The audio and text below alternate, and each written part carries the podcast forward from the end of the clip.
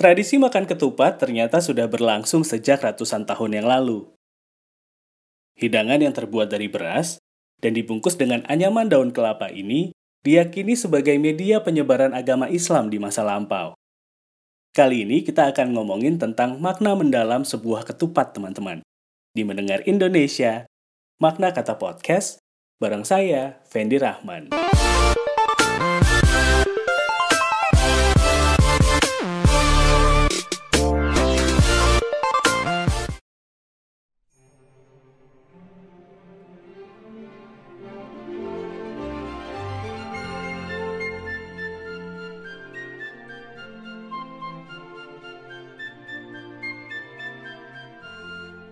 Ketupat hadir sebagai hidangan yang spesial sejak ratusan tahun yang lalu.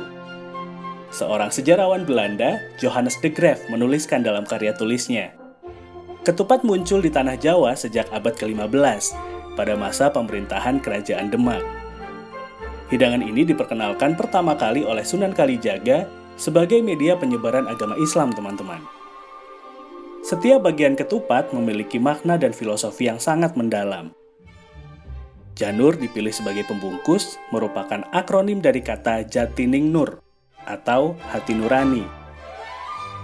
Pembuatan bungkus ketupat yang dianyam menggambarkan sebuah silaturahim antar masyarakat.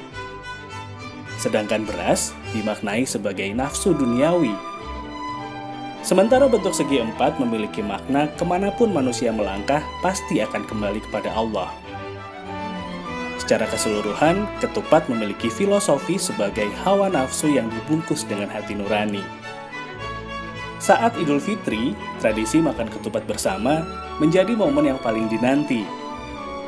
Karena selain menjadi ajang silaturahim, momen spesial ini hanya terjadi setahun sekali.